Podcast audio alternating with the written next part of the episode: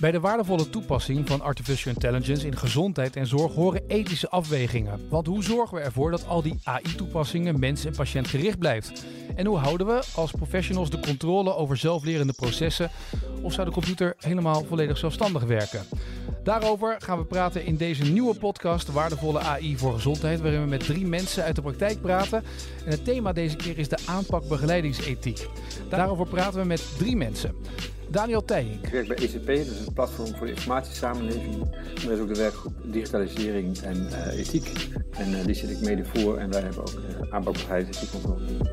En twee mensen die ervaring hebben met begeleidingsethiek. Allereerst Joran Lokkerbol van het Trimbos Instituut. Ik leid het Centrum voor Economische Evaluatie en uh, Machine Learning. En ik ben, uh, ik ben uh, verbonden aan, aan JETS, waar ik data science opleidingen geef. En Nicole van Keulen van het LUMC. Verpleegkundig specialist op de afdeling hartziekten in het Leids Universitair Medisch Centrum. De komende 30 minuten praten we dus over de aanpak begeleidingsethiek in deze waardevolle AI voor Gezondheid podcast. Wil je nou de volgende afleveringen niet missen, vergeet je dan vooral niet te abonneren. Want we zijn er elke eerste en vijftiende van de maand met een nieuwe aflevering.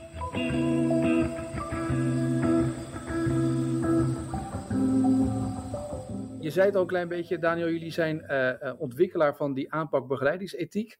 Uh, kan je eens toelichten wat dat precies betekent, die, die aanpak begeleidingsethiek? De gedachte daarachter is dat uh, mensen en technologie eigenlijk veel meer verbonden zijn dan dat ze tegenover elkaar staan. En als je denkt vanuit die verbondenheid is het veel beter om te denken, hoe begeleiden we nou uh, ethiek in de samenleving, of technologie in de samenleving, in plaats van dat je dat heel erg tegenover elkaar stelt.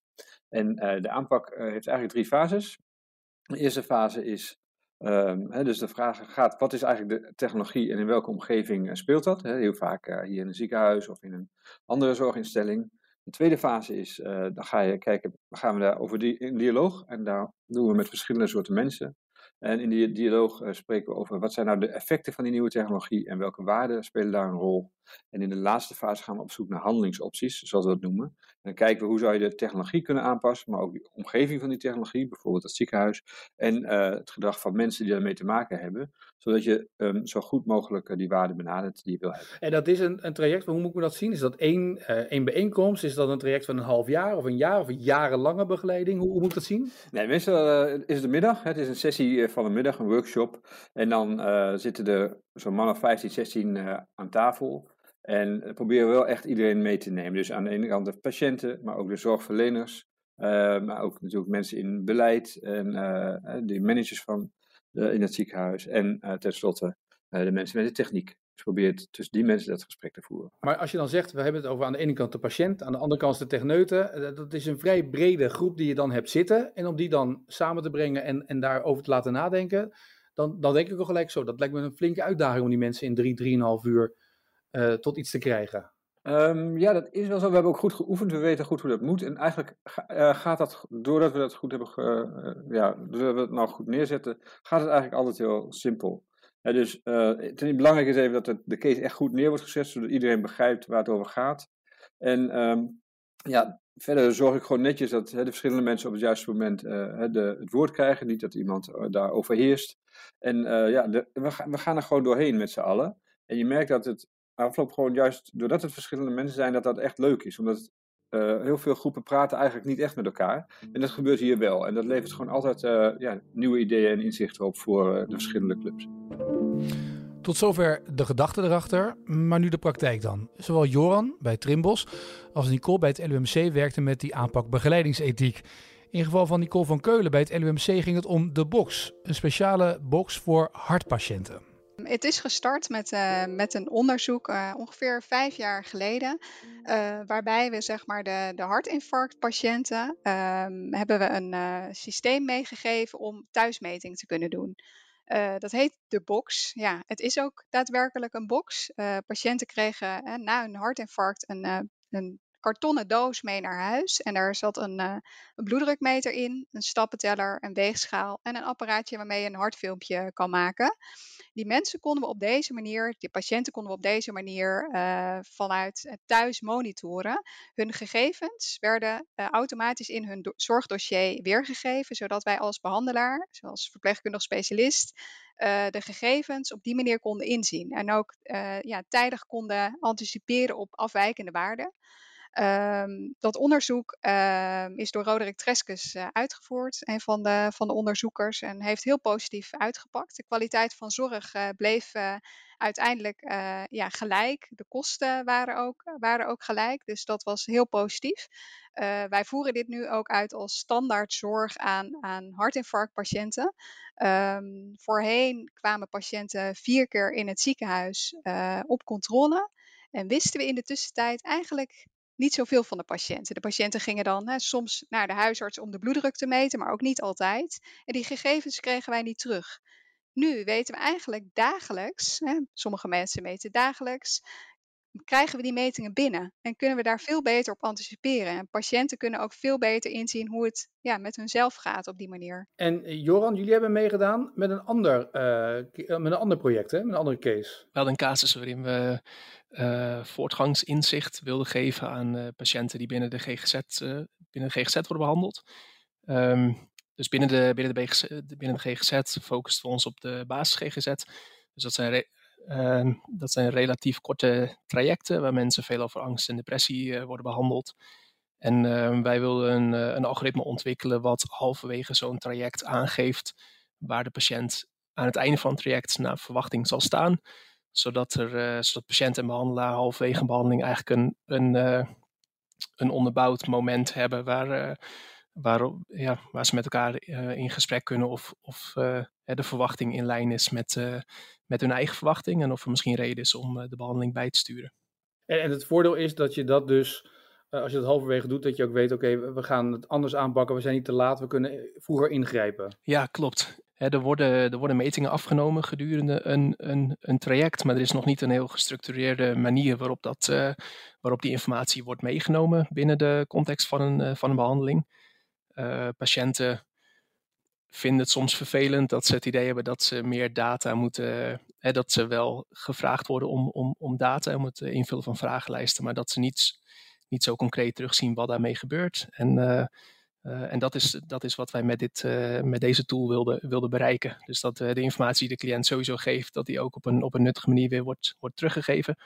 Um, en inderdaad, om dan, om dan te voorkomen dat behandelaar en patiënt aan het, aan het einde van het traject moeten, moeten concluderen dat de patiënt niet staat waar, hè, waar je zou willen dat hij staat. Um, dus inderdaad, dat er eerder kan worden bijgestuurd. En Nicole, jij hebt uh, de begeleidingsethiek heb je gevolgd, uh, maar toen was de box er dus al wel, hè, volgens mij, als ik het jouw verhaal goed hoor. Klopt, ja, de box was er al wel. Alleen uh, wat we eraan toegevoegd, uh, of wat wij eraan toe willen voegen, is uh, artificial intelligence. want dat heb ik net niet benoemd, maar wij krijgen, je kan je voorstellen, het zijn 200 patiënten ongeveer die wij hebben. en alle data komt bij ons binnen en wij kijken die data na. Uh, dat zijn veel data en het zou ja, heel mooi zijn als uh, middels artificial intelligence dat een beetje ja, gestructureerd wordt, zodat wij een prioritering kunnen geven aan afwijkende waarden, waar wij dan ook echt wat mee moeten. Niet, met, niet met alle waarden moet je wat. Uh, dus dat is ook iets wat we ja, in die begeleidingsethiek ook hebben meegenomen, met name die artificial intelligence. Hoe, ja, hoe gaan we dat toepassen? Die mensen krijgen dus al een box mee waar allerlei dingen in zitten. Dus je weet als arts al heel veel van ze. Maar je geeft dan eigenlijk ook daarmee, zoek je naar de data van die mensen. Dus is daar een soort van afstandelijkheid, angst voor mensen dat ze denken, hoe, wat ga ik nou allemaal afstaan nog? Dat valt eigenlijk wel mee. Dat, dat, dat komen we niet echt tegen. Dat, dat kwam ik ook niet uh, tijdens die uh, uh, bijeenkomst. Kwam dat ook niet echt heel erg duidelijk naar voren. Die angst hebben ze niet. Ze hebben met name ook wel het idee van we worden beter gemonitord. Dus ik word daardoor ook beter behandeld. En ik heb zelf ook wat meer invloed op die, die waardes. Dus dat, dat, nee, dat, dat kom ik niet echt zo tegen. Nee. Daniel, je krijgt deze twee cases. Aan de ene kant dus de box. Uh, en aan de andere kant praat je over een traject uh, dat heel erg in, in, in, in, in de GGZ zit. Um, hoe ga je daar dan mee aan de slag? Wat gebeurt er dan als jullie daarmee aan de slag gaan? Ja, wat we doen is eerst uh, spreken we de persoon die dat die bij ons binnenbrengt. Dat was uh, Joram en in het geval van de LUMC was het iemand anders, dat was Marjolein. Dus we gaan gewoon op tafel zitten en vragen van, hey, uh, waarom komen jullie ermee? Nou, het antwoord is dan vaak, we zijn met AI bezig, dat is toch een beetje nieuw en eng. Het kan ook een hele andere technologie zijn. en we willen daar een soort ethisch gesprek over. Nou, en wij hebben dus dat ethisch gesprek op een manier vormgegeven dat je dus uh, hè, dat je dus echt ook met z'n allen op zoek gaat naar die handelingsopties en heel netjes uh, nagaat wat zijn die effecten en die waarden. dus het eerste is dat een beetje in kaart krijgen. En daarna gaan we kijken, nou, wie zou dat nou goed kunnen vertellen? een case houden, want het moet een netjes verhaal zijn wat voor iedereen begrijpelijk is. Want daarna wil je met z'n allen daarover praten. En verder kijken, ja, wie gaat er aan tafel zitten? Wie uh, hebben we nodig? Dus je kijkt naar iemand die het verhaal kan vertellen aan de voorkant, die, die in misschien een kwartier, twintig minuten kan uitleggen: dit is wat het inhoudt, dit is wat we gaan doen, dit is onze visie. Ja, je ziet me niet, maar ik knik heel hard, dus het uh, klopt. Dat is precies uh, wat er gebeurt. Ja, Oké, gelukkig. Heel ja. ja, en um, uh, dus dan, zo nu hebben mensen de neiging om dan hun meningen zo erin te stoppen. Dat komt allemaal later. Dus gewoon netjes vertellen wat er aan de hand is. Even de tijd op de vragen. Snappen we allemaal wat het is? Er zijn altijd een paar dingen van hoe gaat het dan? Nou, wie gaat die data dan toe? Of wie, ehm, ja, hoe wordt er dan gekozen? Met eventjes dat je weet waar het over gaat. Dan ga je daarna met kijken wie zetten we aan tafel. En dan wil je dus ook zoveel mogelijk mensen en dus ook duidelijk de patiënt aan tafel hebben. Ja, ja je wilt in principe liefst alles en iedereen. Dat kan nooit, dan daarvoor is de ruimte te klein. Maar je wilt proberen toch inderdaad ook echt eh, de patiënt en de, de zorgverlener, uh, die gelukkig hier nu ook in de, Nicole, die hier in de sessie zit, die wil je aan tafel. En dat was ook zo bij de LUMC. Er zaten twee patiënten en dat maakte, wat ik me herinner, dat maakte ook echt, echt, laten we zeggen, spannend. En die hebben ook hele andere invalshoeken dan, dan een arts vaak. Eh, ik herinner mij als voorbeeld dat één patiënt zei, ja, soms dan word ik toch, en dan is die meting, die geef ik dan door, maar dan klopt het niet helemaal en dan is het midden in de nacht en dan lig ik gewoon de rest van de nacht wakker. Nou ja, dan, dat is een signaal waar je dus de vraag is, ja, kun je daar iets mee doen? En uh, moet je daar, uh, dat, is een, ja, dat is een hele, ik vond een hele logische vraag, maar ik denk dat er op dat moment nog niet zo heel veel op die manier over nagedacht was. Nee, wat eh, eventjes terug naar. Eh, het gaat natuurlijk om, eh, het gaat om een gesprek over ethiek. Hoe zou dat normaal gaan als je zo'n case pakt, Joran? Hoe, hoe gaat dat dan? Wat, wat, wat, wat had je normaal gedaan voordat je met begeleidingsethiek in aanraking was gekomen? Ja, goede vraag. normaal, normaal gesproken had ik, uh, had ik het.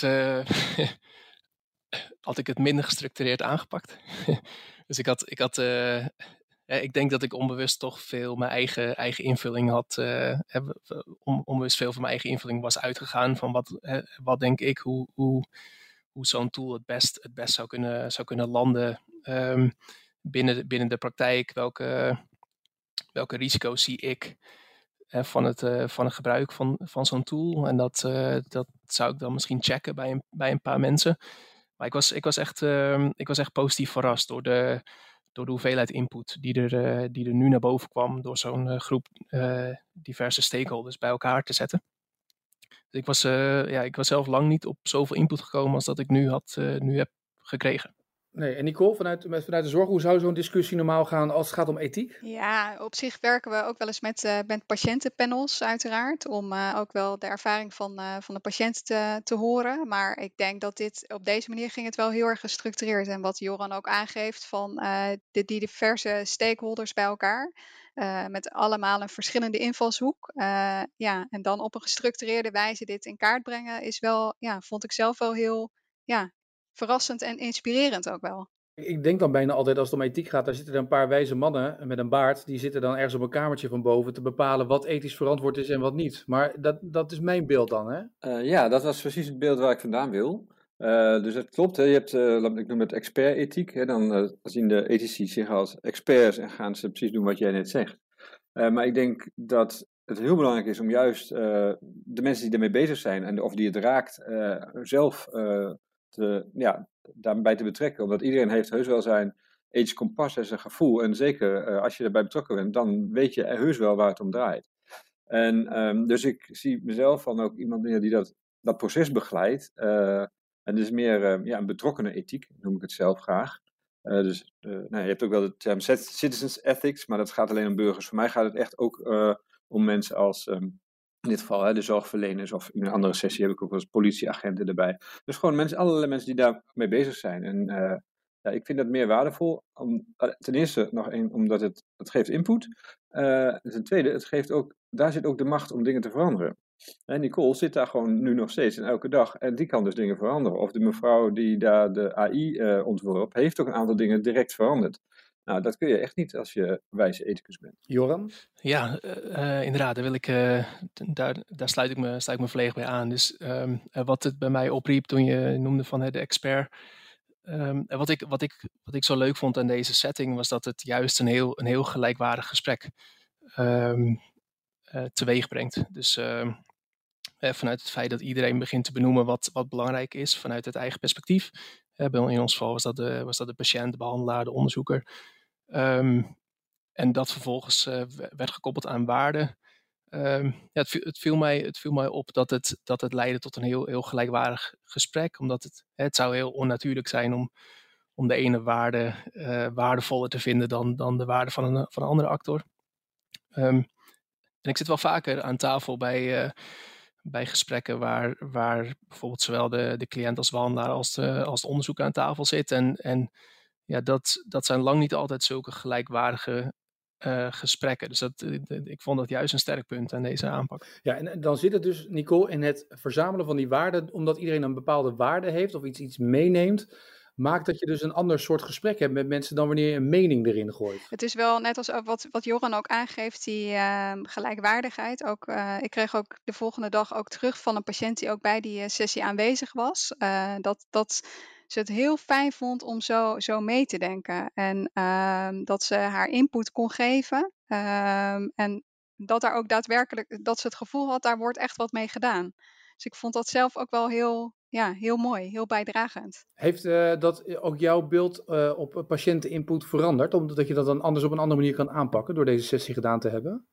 Ja, vind ik lastig. Ja, je kijkt, ja, op zich probeer ik altijd wel de patiënten erbij te betrekken, maar dat is op een moment dat je een spreekuur draait. Hè? En dat is zo'n andere setting dan dat je een patiënt op deze manier spreekt. Hè? Dan heb je het echt over de eigen gezondheid en nu heb je het over het zorgproces. En daar heb je eigenlijk in je spreekuur niet zo heel veel tijd voor, om dat, dat op die manier te doen. Dus ik vond het zelf wel, ja, dit zouden we meer mogen doen. Ben je het ook meer gaan doen of niet? Dat is een beetje de vraag. Ja, je hebt, ja dat is altijd wel lastig. Hè? Je, kan, je kan dit niet alleen opzetten. Dus, dus uh, je hebt meerdere mensen daarvoor nodig. Uh, maar ik, ja, het zou zeker ja, iets kunnen zijn wat, wat we kunnen gaan toepassen binnen de, de totale zorg. Maar dat is niet iets wat je in één keer kan, ja, kan veranderen. Daniel? Ja, je vroeg net even uh, of ze mee doorgaan, maar dat weet uh, misschien Nicole niet, maar bij de LUMC hebben ze het wel verder opgepakt. Dus ik heb uh, vandaag notabene nog een gesprek gehad met een radioloog uit het ziekenhuis. En dat is dus via... op het nieuws. ja, dat is heel actueel. Hè? Precies. Hè? Dus um, nee, ze vonden dus inderdaad waardevol de aanpak. En zijn dus ook op hele andere plekken dan waar Nicole nu zit. Uh, bezig, uh, ja, gaan we nu bezig met deze uh, aanpak begeleidingsethiek. En uh, in ieder geval heb ik nu al twee of drie gesprekken gehad. Voorbereidende gesprekken met mensen op heel andere plekken. op het LUMC, een radioloog.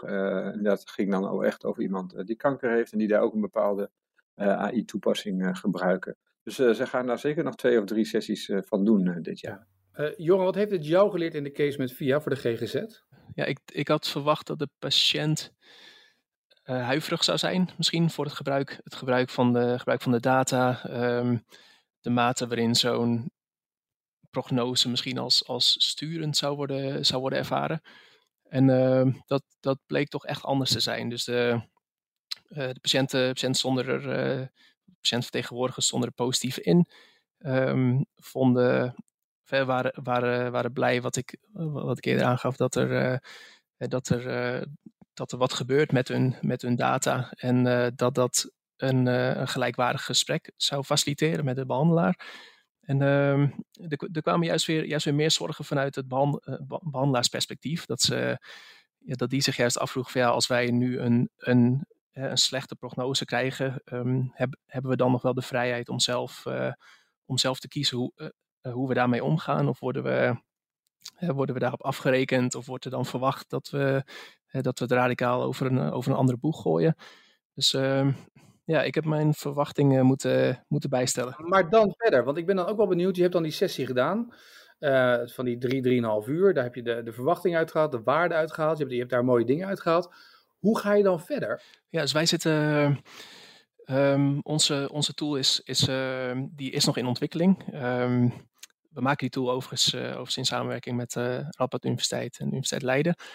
Um, dus wij, wij, wij zitten nog vroeger, vroeger in, het, in het proces. En uh, wat, wat, ik er nu met name uithaal is, is um, dat ik mijn beeld erg heb bijgesteld van de manier waarop ik dit zou presenteren aan de, aan de praktijk. Dus um, de manier hoe, hoe we zouden communiceren over de, over de uitkomsten, over de, over de prognose. Dat we heel erg aan de, aan de kant moeten zitten van dat het een, dat het, dat het een gezamenlijk gesprek tussen patiënt en behandelaar informeert, maar dat het niet, niet leidend is. Ehm, ik denk nu veel meer aan het, aan het brengen als, een, als eerst een kleinschalige pilot om, om te leren ehm, welke stukken wel, wel, en, wel niet goed bevallen vanuit, vanuit behandelaar en, en patiënt. Um, eigenlijk, zeg maar, ik, ik ben me veel bewuster van, uh, van, van de zorgen die het bij bepaalde actoren met zich, met zich meebrengt. En uh, uh, het risico dat implementatie sterk zou kunnen mislukken als ik daar niet op een, op een genuanceerde manier mee omga. Ja. Nico, hoe, ga jij, hoe zijn jullie verder gegaan vanaf die sessie die je hebt gedaan, wat dat heeft opgeleverd voor AI toepassen aan die box. En dan, wat, wat, wat is dan de vervolgstap? Ja, wij zijn nu bezig met, uh, uh, met de ICT, uh, met, met Esme Stoop onder andere, om te kijken naar algoritmes voor het ontwikkelen van artificial intelligence op die data dus we zijn, uh, zij zijn algoritmes aan het ontwikkelen. Als het ware ons denkniveau nemen ze daarin in mee als behandelaar. Dus met bepaalde waarden, waarop anticiperen wij? Wanneer gaan wij handelen op een afwijkende waarde? Is dat op één waarde? Is dat op drie waarden? Of zijn bijvoorbeeld als we spreken over een afwijkende bloeddruk, gaan we direct dan al op één afwijkende bloeddruk die patiënt bellen en vragen uh, um, hoe het gaat? Heeft die patiënt klachten? Nee, dat doen we niet. Wij, wij, wij handelen op een bepaalde bloeddruktrend. En dat is iets wat, wat de computer voor ons ook gaat, gaat ja, ons denkpatroon gaat, gaat, gaat uh, uitzoeken. Uh, en ook kijken van wanneer handelen wij en wanneer handelen wij niet. Wanneer denken we van dit kunnen we even laten en pas dan gaan we handelen. En die algoritmes die, die lijken wel echt te kloppen. Dus dat is wel heel mooi. Dus, dus ja, nee. nee, dus dat is, dat is wel heel leuk. En daar, daar moeten we echt nog verder in. Dus we, we behandelen, uh, ja, op, uh, uh, gaan we gewoon cases gaan we behandelen van patiënten. En dan kijken we van wat zouden wij doen bij deze patiënt. En pas dan komt dat algoritme tevoorschijn. En dan kijken we, klopt dat met wat wij hebben gedacht? Ja, dat, dat klopt. Oké, dat is fijn. En zo moet dat steeds verder ontwikkeld worden. ECP heeft voor het programma Waardevolle AI voor Gezondheid een handleiding geschreven om initiatiefnemers op weg te helpen om zelf ook een workshop begeleidingsethiek te organiseren. De vraag is natuurlijk een beetje, wat zijn de tips als je dat zou willen doen? Wat heb je ervoor nodig? Nou, het begint natuurlijk met een bepaalde nieuwsgierigheid ernaar, maar ik ga ervan uit dat, je, dat dat er is. En wat je dan nodig hebt, ik heb daar een handleiding voor geschreven. Kijk, ideaal zou ik zeggen, uh, je moet het dus goed kunnen modereren. Uh, en dat kun je, dat, dat, hebben wij gedaan nu bij het LUMC en ook bij bij Trimbos. dus je, dat is eigenlijk wel handig om dat een keer te doen, iemand die daar uh, een expert in is. Maar als je dat vaker wil doen, is het natuurlijk ook fijn om dat uh, binnenshuis te hebben of bij uh, een buurziekenhuis. dus ehm, ja, wij adviseren eigenlijk om gewoon een kleine cursus te doen van twee middagen om even het model te begrijpen en daarna vooral te oefenen twee keer. En dan, ja, dan kun je het volgens mij zelf. dus ehm, dat is wat we dan nog aanbevelen. En, dan heb je dus inderdaad vooral, dus je hebt aan de ene kant nieuwsgierigheid nodig. Ben je een goede case waar je mee aan de slag kan gaan? En volgens mij hoor ik je ook zeggen, uh, diversiteit in de groep ook hebben zitten. Ja, nee, zeker. Dus je hebt, uh, dat uh, klopt. Dus je hebt, wij, hebben die vier categorieën, die heb je eigenlijk nodig. Of, minimaal drie van de vier. Um, dus van patiënt, zorgverlener, iemand uit managementbeleid die ook dingen verder kan brengen, die ook bepaalde beslissingen kan nemen. En dus de mensen uit de technologie. Uh, om, om het gewoon goed te kunnen doen. Dan heb je dat goede gesprek. En natuurlijk een case waar echt iets, iets, iets meer is, waar je toch een vraag hebt. Um, en, uh, en waar je iemand in staat is dat goed te vertellen. En ik vind het ook altijd knap als iemand dat vertelt. Uh, dat, nou ja, dat is zijn kindje toch een beetje. Dus we, aan de ene kant gaat hij daar heel veel commentaar op krijgen. En dat is een beetje kwetsbaar. Maar dat is juist ook weer heel waardevol. Dus het is, ja, je moet iemand ook hebben die dat toch wel durft soms zijn mensen iets te bang voor. Ja. Eh, het mooie is volgens mij dat als ik deze verhalen zo hoor en samenvat ook wat ik van uh, Joran hoor en van Nicole hoor, is dat mensen dus samen naar de oplossing gaan. En dat het niet is, ja maar ik vind dit, ja maar zus, maar dat het eerder een verhaal van samen is. Ja, dat klopt. Dat is echt wel heel erg op insteken. Er is heel veel ethische debatten of dialogen gaan over het verzamelen van uh, argumenten. En dan zit je vaak heel erg snel tegenover elkaar en gaat ook richting een beslissing. Dus dan wil je uh, ja, je zin hebben. En je hebt ook heel veel partijen die vanuit één, uh, één visie denken. Zoals uh, wat Privacy First of een andere.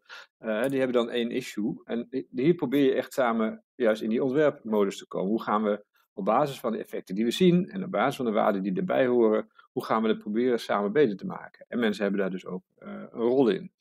En nou, dat is een hele, ja, je zou het bijna, Peter Paul Verbeek, hoogleraar, noemt het wel positieve ethiek ten opzichte van negatief. Hè? Dus kijken wat je wil en niet van wat er mis kan gaan. dus dat, nou ja, allebei neem je mee, maar het is wel gericht op ja, hoe kunnen we eigenlijk alles één stapje beter maken. En dus niet naar de oplossing, maar wel verschillende deeloplossingen die het allemaal, allemaal beter maken. Ja, en dan hoor ik uh, beide mensen die het hebben meegemaakt, Joran en Nicole, zeggen: Ja, weet je, dat perspectief van de patiënt. het is mooi om te horen wat de patiënten van denken, dat die ook zo enthousiast zijn. Merk jij ook als je sessies doet, of het nou in de zorg is of, of verder dan dat, dat het inderdaad dat mensen anders uit de sessie komen dan dat ze hem ingingen, of niet? Ja, ik heb een prachtig voorbeeld van twee weken geleden. was de provincie Overijssel. Daar was de case was via satellietbeelden bedrijven controleren of die niet extra dingen erbij bouwden, want dat mag dan niet. Ehm, en toen heb ik gezegd, dan moet je echt ook iemand meenemen uit een, um, uit een bedrijf. Dat hebben ze gedaan. Nou, en een half uur voor de sessie kregen we een enorme mail van iemand die zei, wat, word ik hier gecontroleerd? Ik voel Big Brother. En die was echt heel boos. En die zei, ik kom dan allemaal even en dan zal ik zeggen wat ik van vind en dan ben ik weer weg. En toen uh, kwam die, en toen hebben we toch eerst die presentatie gedaan. En daar kwam notabene ook nog zijn eigen bedrijf in voor. Er was een plaatje van. Dus hij werd, ontstak echt uh, ter plekke in uh, nog meer woede. En of wel iemand toestemming had gevraagd voor die, voor die foto. En nou toen toch is hij nog even gebleven. En hebben we dus, de eerste sessie was dan daarna van die effecten. Hè, welke effecten heeft het? Dus kon hij vertellen wat hij als negatieve effecten zag. En tot zijn verrassing waren er allerlei ook ambtenaren bij die ook negatieve effecten zagen. Maar ook positieve. Een aantal daarvan zag hij zelf ook. En in de volgende stap, hij bleef gewoon zitten, uh, bij de handelingsopties, had hij dus een aantal dingen die zouden moeten gebeuren. En tot zijn verrassing hadden een aantal andere mensen dat voor hem al benoemd. En aan het eind in de reflectie kwam hij er echt anders uit. Hij zei, ja, ik ben eigenlijk heel blij dat ik erbij was, één. Maar ook, als het zo gaat, vind ik het heel goed. Want ik zie dat er over dingen nagedacht worden. Ik zie dat andere mensen, dat je niet alleen staat. Dat andere mensen zich ook zorgen maken. En dat het eigenlijk allemaal vrij zorgvuldig gaat. Dus die heeft deels ook informatie gekregen, hè, van hij snapt nu ook eh, waar het beter om gaat, net zoals iedereen een stukje eh, van de puzzel meer heeft gekregen. Maar hij was er echt heel, uh, ja, heel open in. Het was heel verrassend en ja, voor mij echt iets, ik werd er heel vrolijk van, want dat is toch waar ik het voor doe. Ja, uiteindelijk doe je het daarvoor dat die mensen inderdaad uiteindelijk omgaan en meegaan in een verhaal en dat je weet wat er aan de hand is eigenlijk. Ja, en dat je echt het gevoel hebt, en dat hoop ik dat het echt zo is, ja, dat, dat er iets gebeurt waar je zegt, we gaan samen proberen dat, dat beter te maken, want eigenlijk voor een deel eh, zijn die waarden best wel gedeeld. Ehm, de handleiding is ook te vinden op de website datavoorgezondheid.nl. Uh, daar staat ook meer informatie. Um, dus vooral ook de aanbeveling als je denkt: goh, ik zou hier wel wat meer mee willen of wat meer van willen weten. is allemaal terug te lezen op datavoorgezondheid.nl. Ehm, Joran, Daniel, Nicole, dank uh, voor jullie verhaal en jullie bijdrage aan deze podcast. Wij zijn over twee weken weer met een gloednieuwe uitzending. Waar we in ieder geval het uh, ethiekstuk bij deze op een hele mooie manier behandeld. Begeleidingsethiek met, uh, aan de hand van de voorbeelden. Dank daarvoor. Graag gedaan. Graag gedaan.